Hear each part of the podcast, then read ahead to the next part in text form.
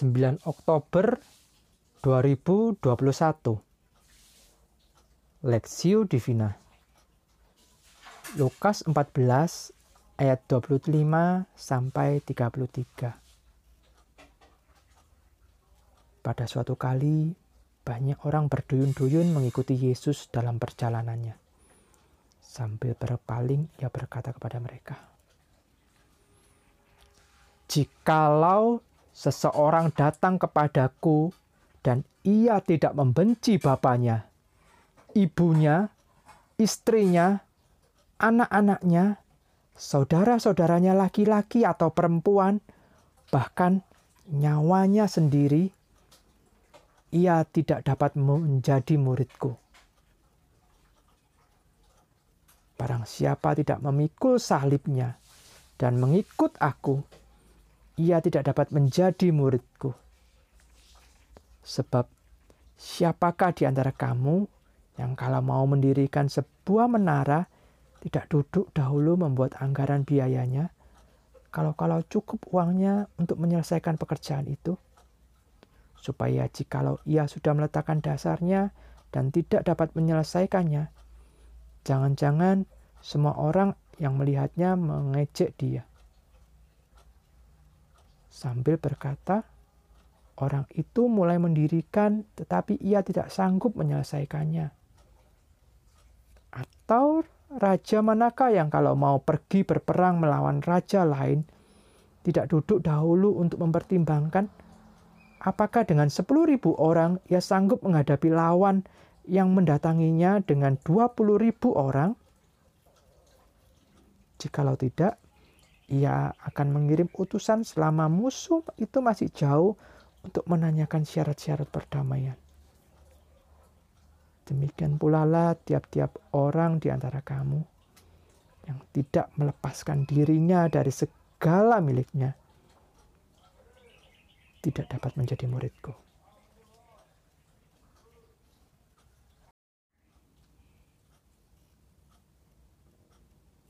Syarat menjadi murid perspektif.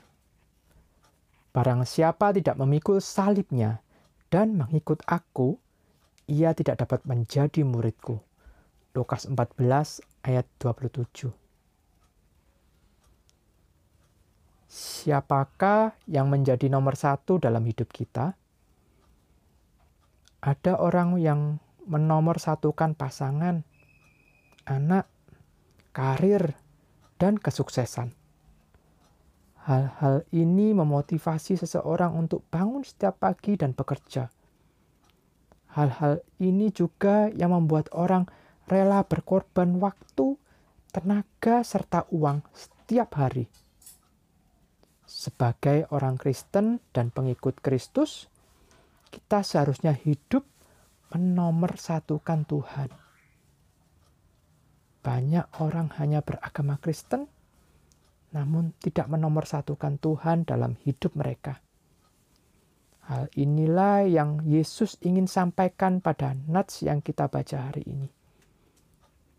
Yesus berkata, Barang siapa yang mau mengikut dia, mereka haruslah mengasihi Tuhan dan menomorsatukan Tuhan di atas orang tua, anak, istri, dan bahkan diri mereka sendiri. Ayat 6. Selain itu, mereka mengikut Tuhan juga harus rela memikul salib untuk Tuhan. Bahkan disimpulkan kita harus melepas semuanya untuk mengikut Yesus. Hal ini tentu tidak mudah. Oleh karena itu, Yesus menghimbau orang-orang untuk menimbang baik-baik apakah mereka sungguh mau menjadi murid Yesus. Ibaratnya seperti seorang pembuat bangunan yang membuat perhitungan sebelum membangun dan raja yang menimbang strategi sebelum berperang. Demikianlah setiap orang harus menimbang apakah mereka sungguh mau menjadi murid Tuhan yang setia. Banyak orang berpikir menjadi orang beragama Kristen sama dengan menjadi pengikut Yesus.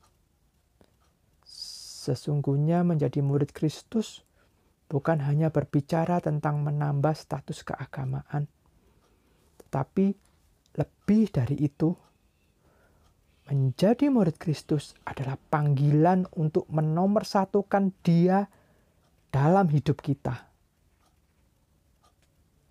Ada harga yang harus kita bayar untuk mengikut Dia. Kita harus hidup di dalam ketetapannya, walaupun itu artinya kita harus siap mengalami penderitaan. Kita harus rela menyangkal diri dan mengakui Dia di dalam kehidupan kita, di tempat kerja, keluarga, dan masyarakat kita harus hidup di dalam ketaatan kepada Tuhan sepenuhnya.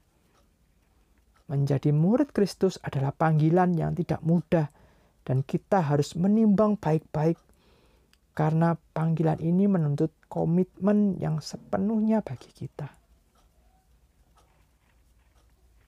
Studi pribadi, apa yang menjadi nomor satu dalam hidup kita? Apakah Tuhan atau hal-hal lainnya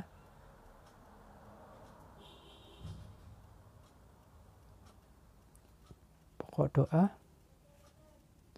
doakan bagi para misionaris di, Indonesia Timur agar mereka boleh dipakai Tuhan memberitakan Injil bagi mereka yang belum mengenal Tuhan.